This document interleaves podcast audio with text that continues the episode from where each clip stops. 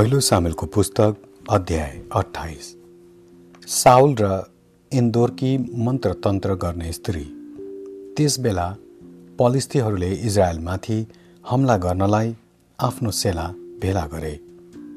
आकिसले दाउदलाई भने तिमी र तिम्रा मानिसहरू मसँग रणभूमिमा जानुपर्छ भन्ने तिमीलाई थाहै होला? दाउदले आकिसलाई उत्तर दिए बेस तपाईँको दासले के गर्न सक्छ तपाईँले जान्नुहुनेछ। तब आकिसले दाउदलाई भने म तिमीलाई जीवनभरि नै मेरो अङ्गरक्षक तुल्याउनेछु। अब समुएल मरिसकेका थिए र सब इजरायलले तिनको निम्ति शोक प्रकट गरेर तिनलाई तिनकै सहर रामामा गाडेका थिए। साउलले भूतप्रेत खेलाउने सबैलाई देशबाट निकालि दिएका थिए। पलिस्थीहरूले आफ्नो सेना युद्धको निम्ति भेला गरेर सुनेममा छाउनी हालेका थिए। साउलले सारा इजरायलीहरूलाई जम्मा गरेर गिब्लोमा छाउनी हालेका थिए। जब साउलले पलिस्तीहरूको फौजलाई देखे तब उनी साह्रै भयभीत भए। उनले परमप्रभुलाई सोधे तर परमप्रभुले न त सपनाद्वारा न उरिम न अगमवक्ताद्वारा उनलाई जवाफ दिनुभयो। यसैले उनले आफ्ना सेवकहरूलाई भने मेरो निम्ति कुनै एउटी मन्त्रतन्त्र गर्ने स्त्रीलाई खोजिल्यो र म त्यस कहाँ गएर सोधपुछ गर्नेछु। इन्दोरमा त्यस्ती स्त्री छे भनी उनका सेवकहरूले उनलाई बताइदिए। तब दा साउलले भिन्दै लुगा लाएर आफ्ना दुईजना मानिसहरूसँग गुप्त भेषमा राति त्यस कहाँ गए र त्यसलाई भने प्रेत आत्मासित सोधेर मेरो भाग्य बताइदेऊ र म जुन मानिसको नाउँ बताउँछु त्यसलाई बोलाइदेऊ। तर त्यस स्त्रीले जवाफ दिए साउलले के गर्नुभएको छ? त्यो निश्चय तपाईँलाई थाहै होला। उहाँले भूतप्रेत खेलाउनेहरूलाई देशबाट हटाइदिनु भएको छ। जुन कुरोले मेरो मृत्यु ल्याउनेछ त्यो गर्नलाई तपाईँ मलाई किन कर लाउनुहुन्छ?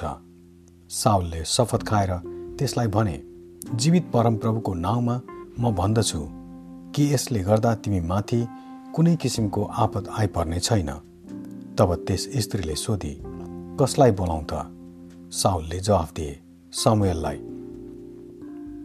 जब समुएल निस्केका त्यस स्त्रीले देखी तब त्यसले चिच्चाएर साउललाई भनी तपाईँले मलाई किन धोका दिनुभयो?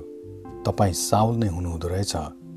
राजाले त्यसलाई भने न डराऊ तिमी के देख्दछौ? त्यस स्त्रीले जवाफ दिए जमिनबाट निस्किएर आइरहेको एउटा प्रेत म देख्दैछु। उनले सोधे यो कस्तो छ? त्यसले भनी खास्टो ओढेको एउटा वृद्ध मानिस माथि निस्कँदैछ। तब तिनी समुएल नै हुन् भनी साउललाई थाहा भयो। अनि उनले घोप्टो परेर साष्टाङ्ग दण्डवत गरे। सामेलले साउललाई भने मेरो शान्तिलाई तिमीले किन भङ्ग गरेर मलाई माथि ल्यायो? साउलले जवाफ दिए म ठुलो सङ्कष्टमा परेको छु। पलिस्थीहरूले मलाई पेलिरहेका छन् र परमेश्वरले मलाई त्याग्नु भएको छ। उहाँले न त अगमवक्ताद्वारा न दर्शनद्वारा मलाई जवाफ दिनुहुन्छ। के गर्नुपर्ने हो? सो मलाई बताइदिनुहोस् भनी मैले तपाईँलाई बोलाएको हुँ। समूहले भने परमप्रभुले तिमीलाई त्याग्नु भएको छ र उहाँ तिम्रो विरोधी हुनुभएको छ भने तिमी किन मलाई सोधपुछ गर्छौ? मद्वारा पहिले नै भन्नुभएको कुरा परमप्रभुले गर्नुभएको छ।